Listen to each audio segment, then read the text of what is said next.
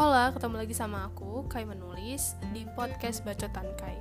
Ya, pasti kalian pada bertanya kenapa uh, diganti nama podcastnya.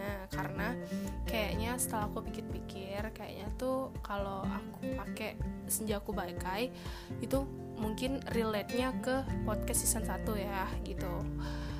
Nah, berhubung podcast season 1 lagi digarap Jadi, aku fokus ke podcast season 2 sama season 3 so yeah that's the reason why aku ganti nama podcastnya jadi podcast bacotan kai. Kayaknya itu lebih relate mencakup semuanya gitu. Gitu aja karena itu alasannya. Oke okay, jadi gitu aja dulu. Tetap podcast season 2 tetap uh, hadir di setiap hari minggu jam 10 pagi. So yeah Enjoy!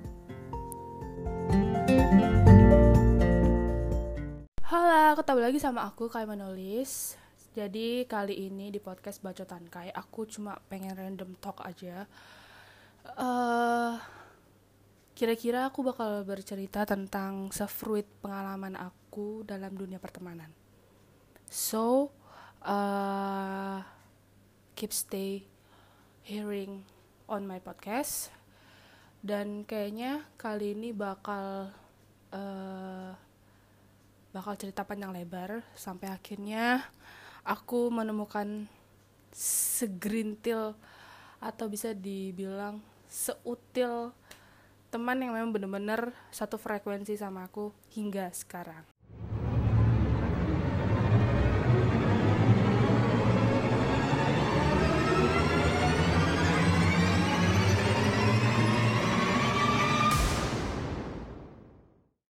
Nah, jadi dulu aku tuh pernah uh, punya prinsip bahwa aku harus banyakin teman aku, mana tahu nanti tem uh, rezeki aku ada di teman gitu.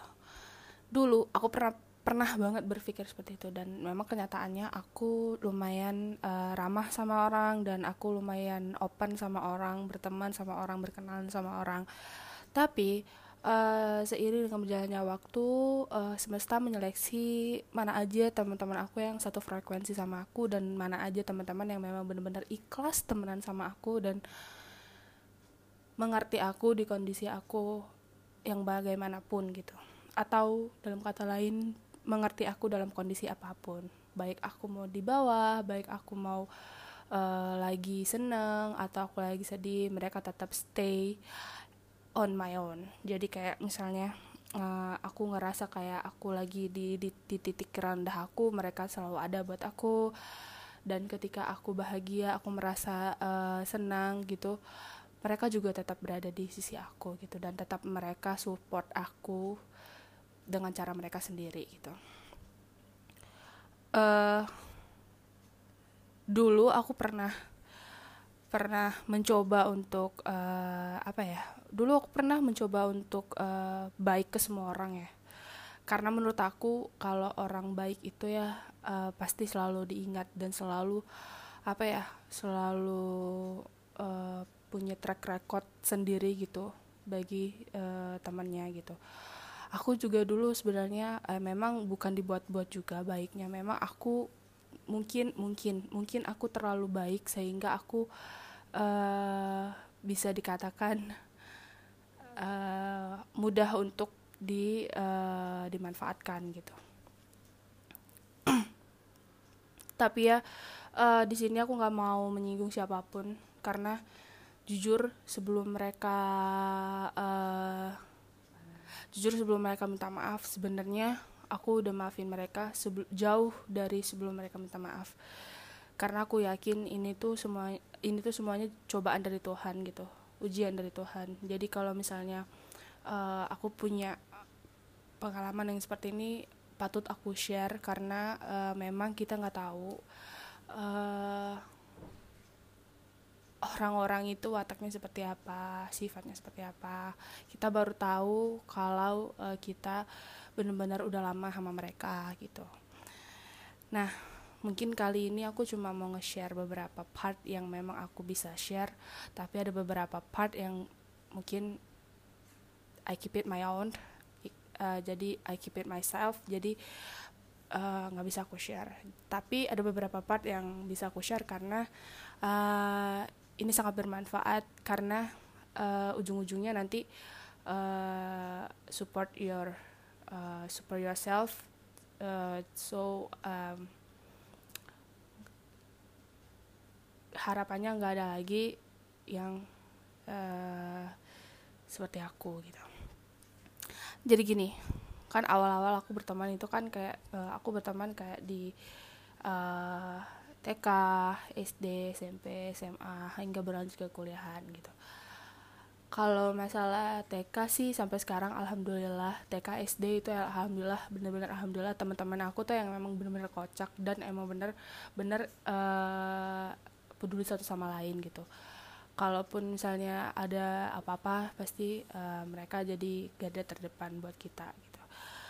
Dan uh, jujur kalau teman TK sama SD itu emang kayak ya kocak. Karena kita emang dari kecil tuh temenan jadi kita tahu satu sama lain. Bahkan kalaupun nih kalau misalnya ini kan saat lagi pandemi aja nih kita nggak buka bersama. Biasanya kalau kita buka bersama udah kocak ambiar. Kita langsung kayak ngobrol apa pun itu dan kita selalu nginget-nginget lagi dulu zaman dulu kita ngapain aja gitu pas di SD kita ngapain aja gitu. Kayak kita main geng-gengan gitu gangster gangsteran gitu. Terus nanti kita uh, kayak apa istilah uh, apa ya istilahnya orang tuh suka bilang uh, drama-drama di sekolah lah gitu.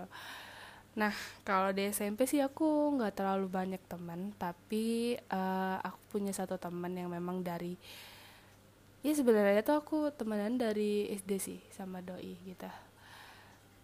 Uh, mungkin aku bisa nyapa dia gitu ya. Aku bisa nyapa, mungkin aku bisa nyapa dia gitu di di podcast aku. Aku mau notice dia sekarang. Hai Pepen, Penia, Penia Mulyasari, teman aku dari SD SMP, SMA, tapi kita kuliahnya beda. Dia di Akpol, aku di uh, universitas. Karena memang dari dari dari dia kecil juga dia pengen banget jadi polisi. So ya, yeah.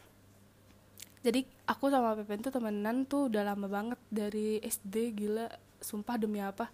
Kita itu ya kalau temenan tuh berantem ada pasti, berantem ada. Uh, apa sih kayak uh, boesan juga ada gitu kadang gitu tapi kita nggak tahu kenapa kita kayak ya udah ya maafin aku ya mungkin aku punya salah dan kita selalu kayak gitu kita selalu uh, saling memaafkan saling kalau punya salah tuh kita saling jujur-jujuran oh ya aku salah ini ya itu segala macam aku salah gitu. Kayak ya udah gitu kan. Jadi kayak kita baik lagi gitu. Sampai akhirnya kita masuk SMP yang sama gitu. Kita masuk SMP yang sama dan benar-benar walaupun beda kelas kita tetap selalu uh, temenan. Kita tetap selalu uh, sapa-sapa dan tetap selalu bareng kalau ke kantin gitu. Ya gimana ya benar-benar kalau aku sama Pepen tuh nggak bisa nggak bisa melupakan lah gitu. Kayak emang benar-benar dari dari kecil tuh temenan.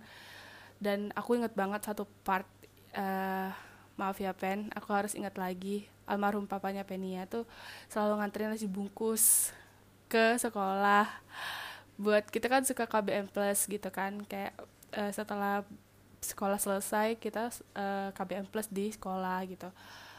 Uh, jadi tuh uh, almarhum papanya Pepen tuh bawain ini bawain nasi bungkus. Udah bawa nasi bungkus aku kan selalu dibawa bekal sama mama gitu sama tante di rumah. Tapi Pepen selalu udah makan nasi bungkus pasti selalu selalu ada nyicipin makanan masakan rumah aku gitu.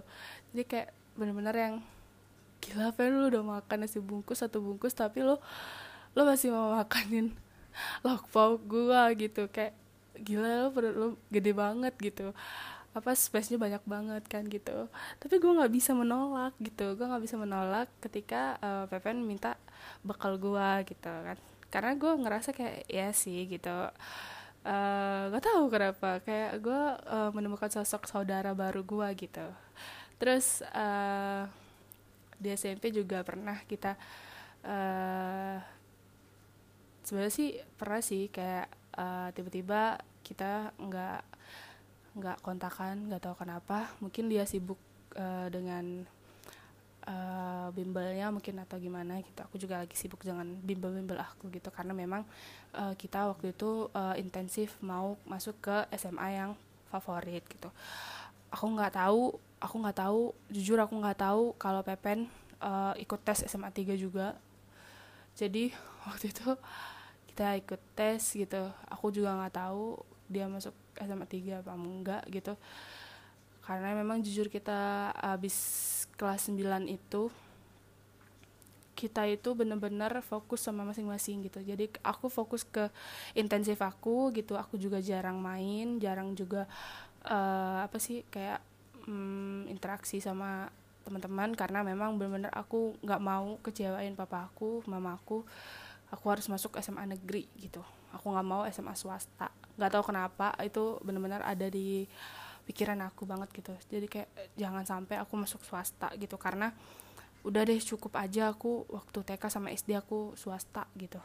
Uh, jadi SMP SMA bahkan sampai kuliah pun aku harus masuk negeri. Perguruan tinggi juga harus negeri. Nggak boleh yang namanya swasta. Nggak tahu kenapa tapi pas aku S2 aku masuk swasta dong.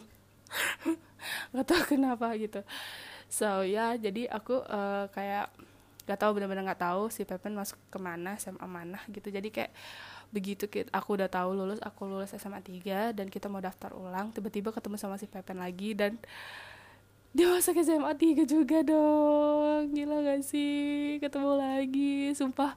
Tapi kita tuh bilang kayak gini eh lu gak bosen-bosen ya? Ketemu sama gua mulu gitu. Kayak iya gue gak bosen-bosen lu gak bosen-bosen ya ketemu gua mulu gitu. Akhirnya kita seneng banget bisa satu sekolah gitu. Seneng banget bisa satu sekolah dan uh, pada akhirnya walaupun kita beda kelas walaupun kelas PPN ada di ada di bawah gua di atas gitu tapi nggak nggak nggak apa istilahnya nggak ini kita kok nggak nggak me, menjadikan kita jarang berkomunikasi dan jarang sapa menyapa gitu pokoknya sama Bapen demi apa pun dia teman yang terbaik pernah gue kenal dan dia selalu menerima gue apa adanya. Bukan karena ada apanya uh, Pepen selalu uh, jadi sohib dan sahabat bahkan jadi saudara dikala aku uh, di titik terendah bahkan di titik aku yang benar-benar udah capek sama kehidupan aku gitu. Kayak mereka uh, selalu iya aku nggak usah bilang lah. Pokoknya ada yang suka ada yang nggak suka sama aku. Tapi tetap Pepen nggak pernah merubah rasa uh, rasa rasa solidaritasnya sama aku gitu. Jadi Pepen tetap aja berteman sama aku. Even semuanya tuh kadang ada yang benci kadang ada yang nggak suka sama aku gitu. Tapi tetap Pepen selalu support aku karena kata Pepen aku yang tahu kamu siapakah gitu. Orang lain tuh cuma tahu namanya doang gitu ah Pepe aku jadi kangen. Semoga uh, pandemi ini tuh uh, bisa berlalu ya biar kita bisa ketemu lagi. Amin. Nah terus tuh aku tuh kan uh, kalau di kuliahan tuh banyak banget gitu. Kayak apa istilahnya tuh ya uh, banyak lah bentuk-bentuk teman-teman yang kalau misalnya kuliah tuh cuma sekedar teman doang sih kalau gue tapi ada beberapa orang yang di tempat kuliah gue tuh yang emang jadi kayak emang jadi udah jadi sohib dan udah jadi soulmate gue sih sebenarnya gitu. Um, jujur kalau di kuliahan tuh sebenarnya gue tuh kalau misalnya temenan tuh ya jujur gue nggak mau bohong gue harus memilih-milih dan memilah-milah gitu. Memang uh, dalam keadaannya itu nggak uh, semudah kita temenan kayak kita SD, SMP, SMA gitu ya, cuma kayak kocak-kocakan aja gitu. Tapi kalau di, di di kuliahan itu emang uh, pada dasarnya tuh temenan tapi juga sekalian uh, lihat ini apakah teman ini emang benar-benar temenan tulus gitu atau cuma mau mem memanfaatkan kita doang. Sebenarnya kalau di kuliahan benar-benar aku kayak ya mau dibilang kalau misalnya satu angkatan sih aku cuma berapa gelintir orang sih yang jadi teman aku. Dan emang aku pada dasarnya rada nggak suka gitu loh kalau misalnya temenan tapi baik depan doang gitu. Emang aku dari awal tuh nggak suka gitu. Tapi kalau misalnya kalau temenan tapi eh, nggak uh, usah yang selalu ketemu tapi mereka ngerti satu sama lain aku seperti apa aku bagaimana itu lebih baik ketimbang kita tiap hari ketemu. Tapi ya uh, gimana ya mau ngomongnya? Kayak rada nggak enak aja gitu ngomongnya tapi ya itu emang kenyataannya gitu. Jadi makanya kalau temen teman aku tuh di kampus cuma dikit tuh wajar gitu. Tapi ketika aku masuk ke uh, kehimpunan kehimpunan universitas misalnya kayak himpunan fakultas lah misalnya atau uh, bem gitu uh, lumayan cukup banyak deh teman gue yang emang bener-bener kayak proper banget gitu yang memang bener-bener mau temenan dan ikhlas temenan gue sampai kapan pun gitu. Kayak mereka kadang be, kadang tuh kadang kadang-kadang tuh mereka kadang bisa bikin aku uh, naik mood gitu. Ketika aku mau mengerjakan suatu proker yang memang benar-benar kayak aku proker nggak suka tapi mereka selalu support bisa kak bisa tenang aja bisa kok gitu. Jadi kayak aku punya support system sendiri di kampus. Selain aku punya support system support system sendiri di rumah gitu which is yang aku benar-benar kayak bersyukur walaupun aku nggak ada teman dalam satu angkatan walaupun teman gue dalam satu angkatan cuma beberapa orang doang it's okay.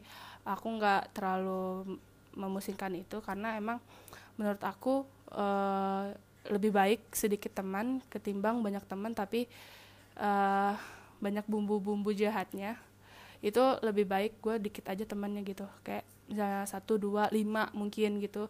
Ketimbang gue uh, temenan sama banyak orang tapi apa-apa lagi nanti kalau gue nggak hadir gue yang diomongin gue oh gue paling anti banget itu. Bener-bener deh maaf maaf deh bukan gue menyinggung satu hal dan lain hal ya tapi emang benar kenyataannya kayak gitu gitu.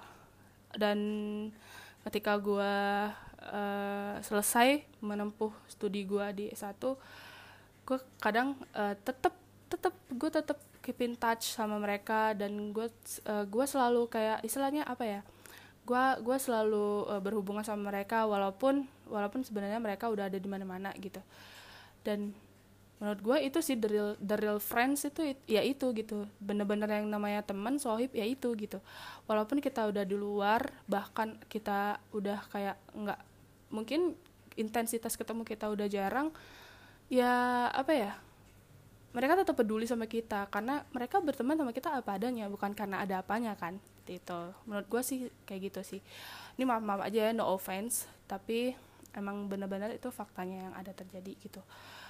Kalau masalah uh, sohib sahabat itu mungkin ada beberapa segelintir aja yang aku emang benar-benar uh, ini benar-benar ngerasa mereka kayak benar-benar udah menerima aku apa adanya begitu kayak mereka eh, nggak uh, peduli ketika aku di titik terendah ketika aku mm, di titik tertinggi gitu mereka tetap uh, tetap jadi teman aku. Ketika aku di titik terendah mereka support aku dengan cara mereka sendiri gitu. Ketika aku di titik tertinggi mereka juga nggak nggak munafik gitu loh. Kayak kayak apa ya support tapi kayak dalam hati iri gitu. Enggak nggak ada. Mereka benar-benar kayak pure banget banget bener-bener dan mereka support aku banget gitu dalam hal apa pun. Ketika aku baru memulai suatu pekerjaan mulai suatu uh, hobi passion aku apa gitu mereka selalu support aku gitu.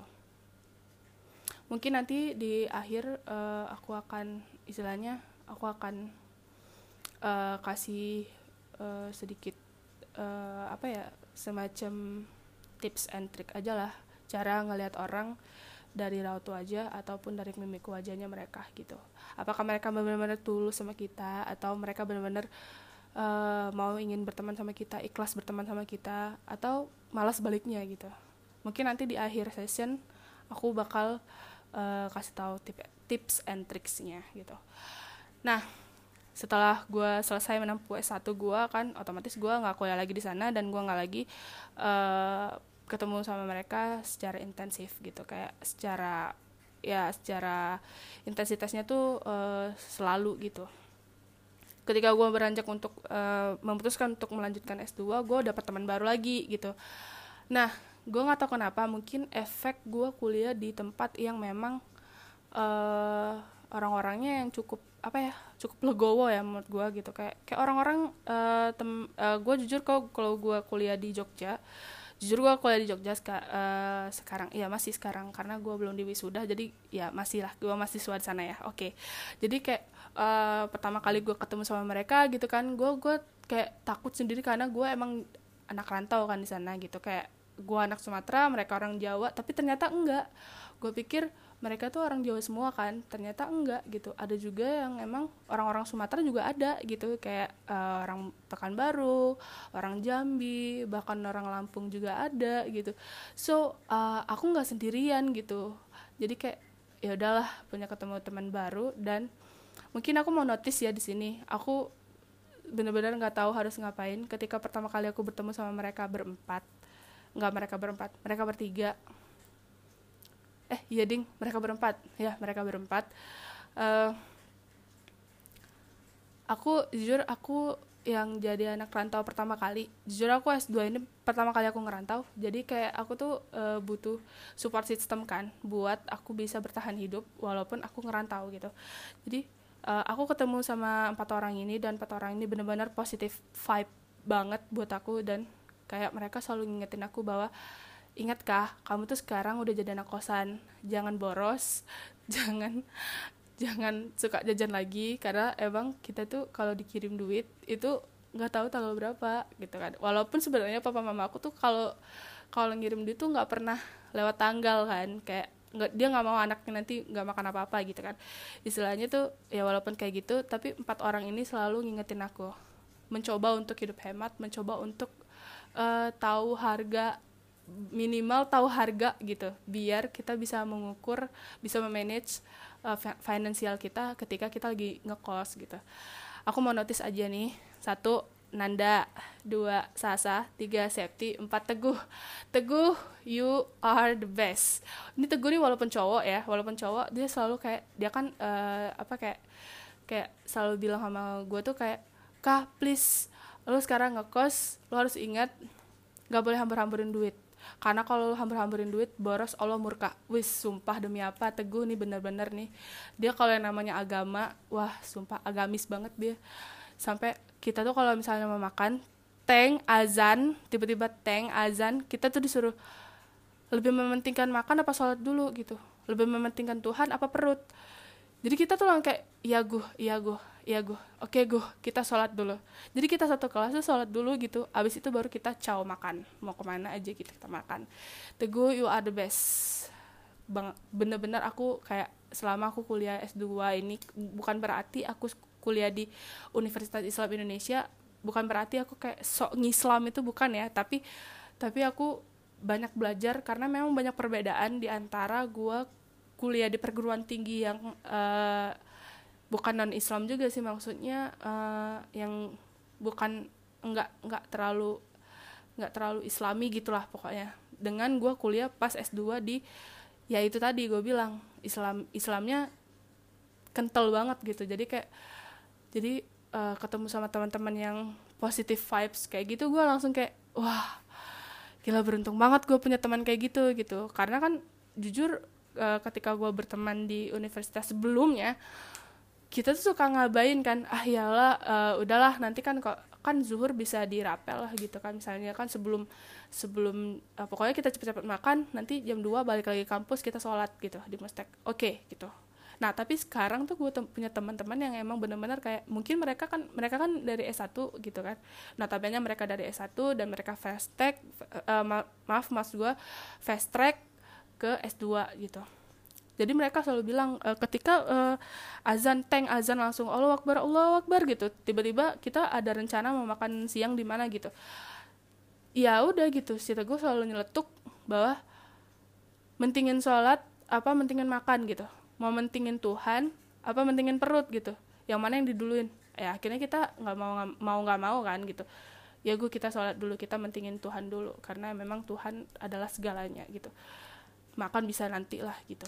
Ya jadi kita gitu gitu. Teguh you are is you are the best. Bener-bener teman aku yang bener-bener yang kayak aku menyadari bahwa uh, setiap detik menit kita nggak bisa tahu dan kita nggak bisa jamin bahwa satu detik ke depan dua detik ke depan bahkan 0, sekian second ke depan kita masih hidup masih bernapas atau enggak seenggaknya kita udah bisa uh, nyicil amal lah dari sekarang gitu terus kalau Nanda Nanda Sasa.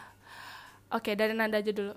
Nanda tuh orangnya tuh emang cukup agak sedikit pendiam. Tapi jangan remehin Nanda karena Nanda itu apa ya kalau menurut aku tuh kayak diem-diem menghanyutkan karena gini uh, ketika kita apa ya istilahnya kita nggak tahu dan kita nggak paham sama satu mata kuliah Nanda kayak orangnya santai. Tapi begitu kita tanya dia tahu segalanya gila Nanda the best. Teman aku paling the best selama S2 makasih Nanda.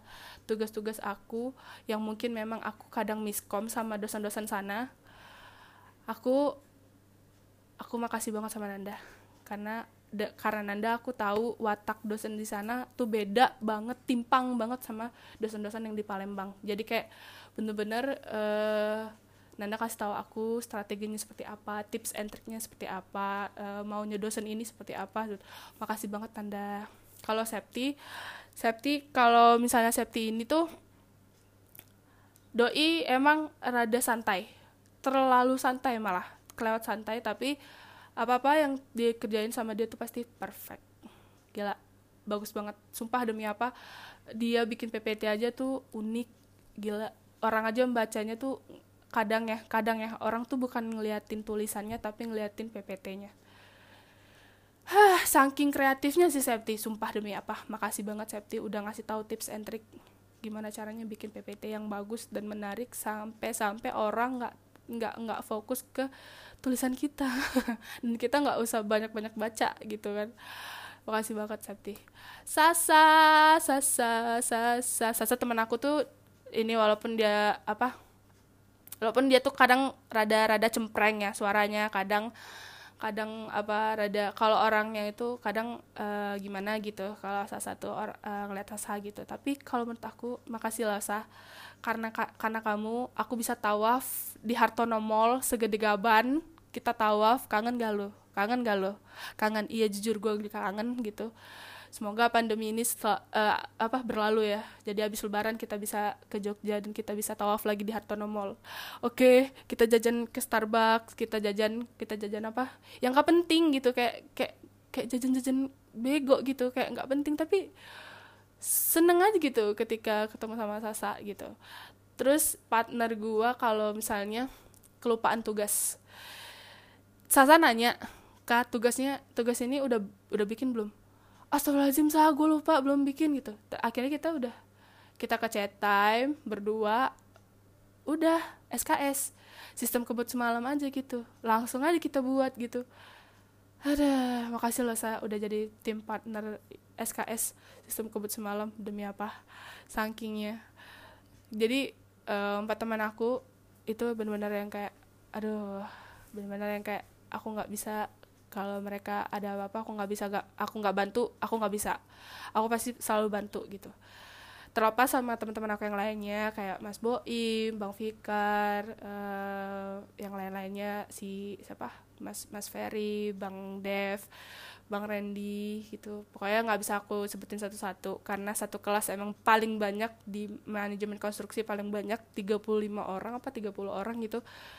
nggak bisa aku sebut satu-satu gitu terlepas sama mereka semua mereka juga baik banget sama aku. Mereka welcome banget sama aku yang anak rantau. Dan mereka sangat welcome sama aku. Anak-anak Sumat uh, anak-anak Sumatera juga. Ada anak Aceh juga namanya Jura. Uh, satu partner gue waktu gue penelitian. Dan satu dosen pembimbing juga sama gue jadi itu kayak makasih banget dan gue kangen banget sama kalian gitu. Kayak di, gimana pun caranya makasih udah mau temenan sama aku. Dan aku juga nggak aku nggak apa istilahnya aku nggak bisa nih diem aja di rumah kayak gini nih sumpah demi apa nih demi apa kangen banget kangen kampus kangen semua atmosfer yang ada di kampus gitu.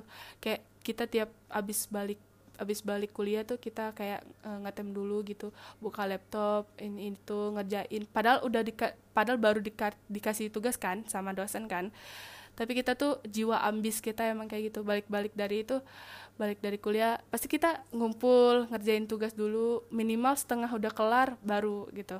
Baru kita balik gitu. Seenggaknya kita udah nyicil tugas kita gitu dan kita kumpulnya bareng.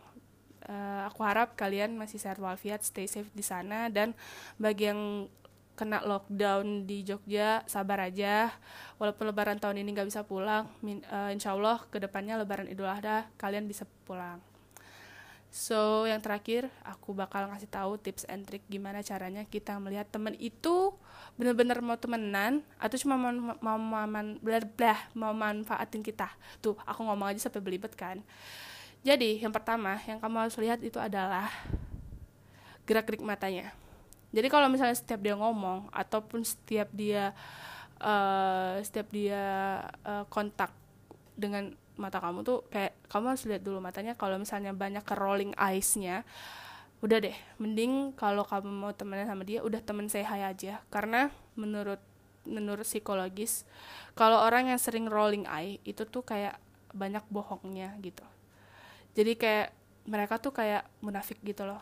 Kayak baik di depan tapi di belakangnya kalau kita nggak ada kita absen kita yang diomongin gitu. Dan itu tiap itu itu itu kenyataan karena ini sesuai dengan pengalaman aku ya. Terus kalau misalnya mereka uh, senyum tapi senyumnya uh, bukan senyum simpul tapi senyumnya kayak senyum garis gitu uh, ketika kita ngobrol ketika kita apa itu udah deh mending kalian mundur untuk jadiin mereka sahabat. Karena nggak tahu ya ini sepengalaman aku. Karena uh, jujur kalau orang kayak gitu tuh suka uh, iri dengki sama kita ini aku nggak mau seuzon sama orang tapi emang itu kenyataannya kayak gitu. Pernah dan aku pernah ngalamin seperti itu. Dan itu benar gitu. Mereka iri sama aku gitu karena mungkin nggak tahu ya satu hal dan lain hal ya nggak tahu juga. Nah satu lagi ketika ketika kamu di di ketika kalian atau uh, teman kalian itu sama-sama kalian gitu. Dan kalian tuh uh, di apa di posisi yang sulit gitu lihat deh kalau misalnya dia meninggalkan kalian pada saat kalian sulit udah mendingan kalian mundur aja buat jadiin dia sahabat. Karena orang-orang yang seperti itu tuh nggak mau nggak mau susah sama kalian tuh udah udah tinggalin aja tinggalin aja. Mending jadi teman yang oh ya teman oke. Okay. ya itu teman aku udah kelar gitu doang. Tapi kalau misalnya mau di, mau dijadiin sahabat dalam kondisi apa pun kalian mau di titik rendah di titik tertinggi mereka selalu ada buat kalian jadi itu aja tips and trick dari aku. Mungkin yang di luar sana pernah mengalami seperti aku uh, semakin uh, semakin tinggi karir, semakin tinggi akademisi, semakin uh, semakin kamu apa ya aku ngomongnya uh, semakin kamu bertambah umur, mungkin semesta juga menyeleksi mana yang satu frekuensi sama kamu, mana yang lebih ikhlas berteman sama kamu. So it's okay not to be okay, tapi jadikan ini motivasi ke depan buat kamu yang di luar sana yang masih uh, kayak kalau berteman masih kayak gimana-gimana it's okay nggak apa-apa. Tunjukin sama mereka bahwa kamu lebih baik dari mereka Oke, sekian dulu dari Kai menulis dari podcast Bacotan Kai. Sampai ketemu di episode selanjutnya. I hope you are happy guys because people deserve to be happy. Bye.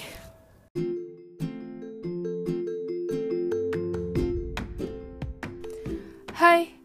So, jangan lupa Terus dengerin podcast Baca Tangkai setiap hari Sabtu, Minggu jam 10 pagi di Apple Podcast dan Spotify. So, enjoy. See you next episode.